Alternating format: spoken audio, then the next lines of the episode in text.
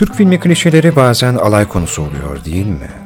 Defalarca işlenmiş konular, birbirine benzeyen sahneler, replikler.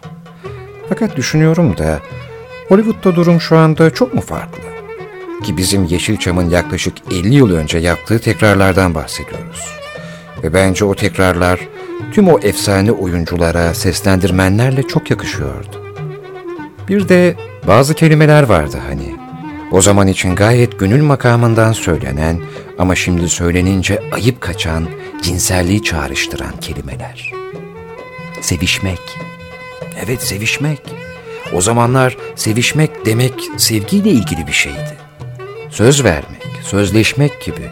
Ermek, erişmek, dönmek, dönüşmek gibi. Sevgi sözcüğü ne zaman cinselliği çağrıştırır oldu? Esef ediyorum. Sevgi, sevgili, sevmek, sevişmek diye türediğinde ne hale gelmişiz baksanıza. Ama merak etmeyin. Bunu ayıp kaçmadığı zamanlardan bir sahne gelecek birazdan ve iki kere duyacağız sevmekten türeyen sevişmeyi. Hani eskiler derler ya, biz sevişerek evlendik diye. İşte onun gibi.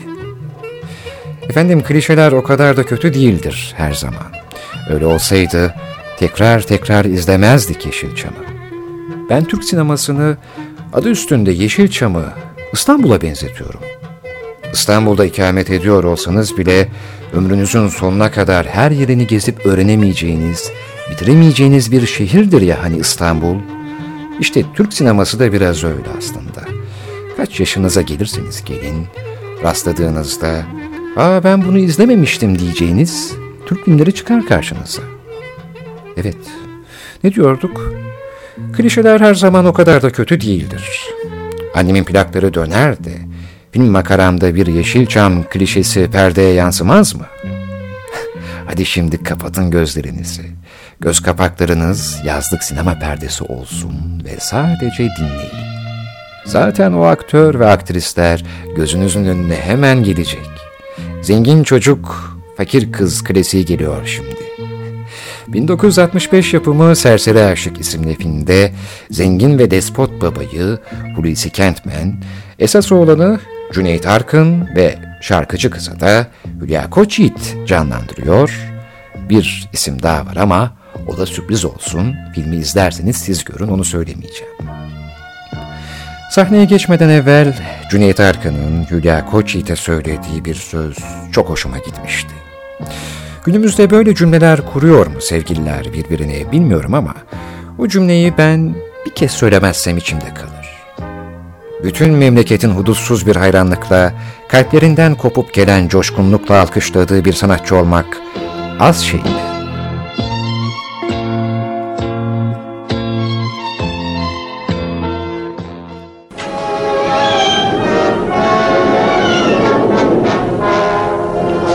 İzinsiz girdiğim için özür dilerim. Erol'un babasıyım. Erol'un babası mı? Buyurun lütfen. Teşekkür ederim. Fazla kalmak niyetinde değilim. Az ve öz konuşurum. Her tecrübesiz genç gibi oğlumun da ilerisini düşünmeden bir hata yaptığına inanıyorum. Ee, toy tabii. Siz de gençsiniz, güzelsiniz, ne demek istediğimi anladınız herhalde. Daha açık konuşmanızı rica edeceğim. Ne istiyorsunuz benden? Oğlumun yakasını bırakmanızı.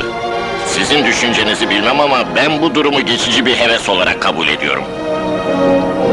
Birbirimizi seviyoruz beyefendi. İnanın bana, sevişiyoruz.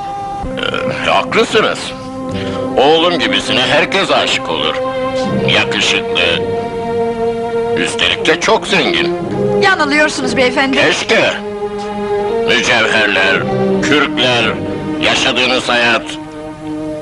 ...kendi kazancınızda olacak şeyler değil bunlar. Defolun. Aşkın maddiyatla ölçecek kadar basit ruhlu, duygusuz bir insanla daha fazla konuşamam. Defolun.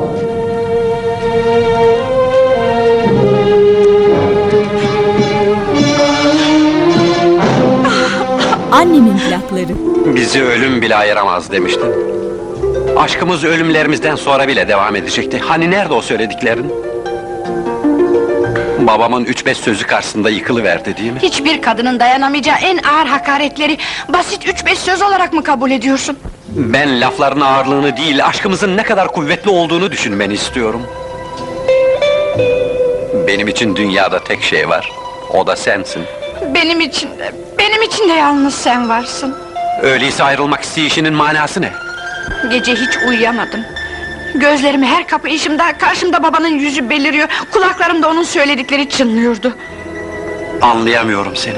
Erkekler de kadınlar gibi meselelerin derinine inebilseler de anlardın.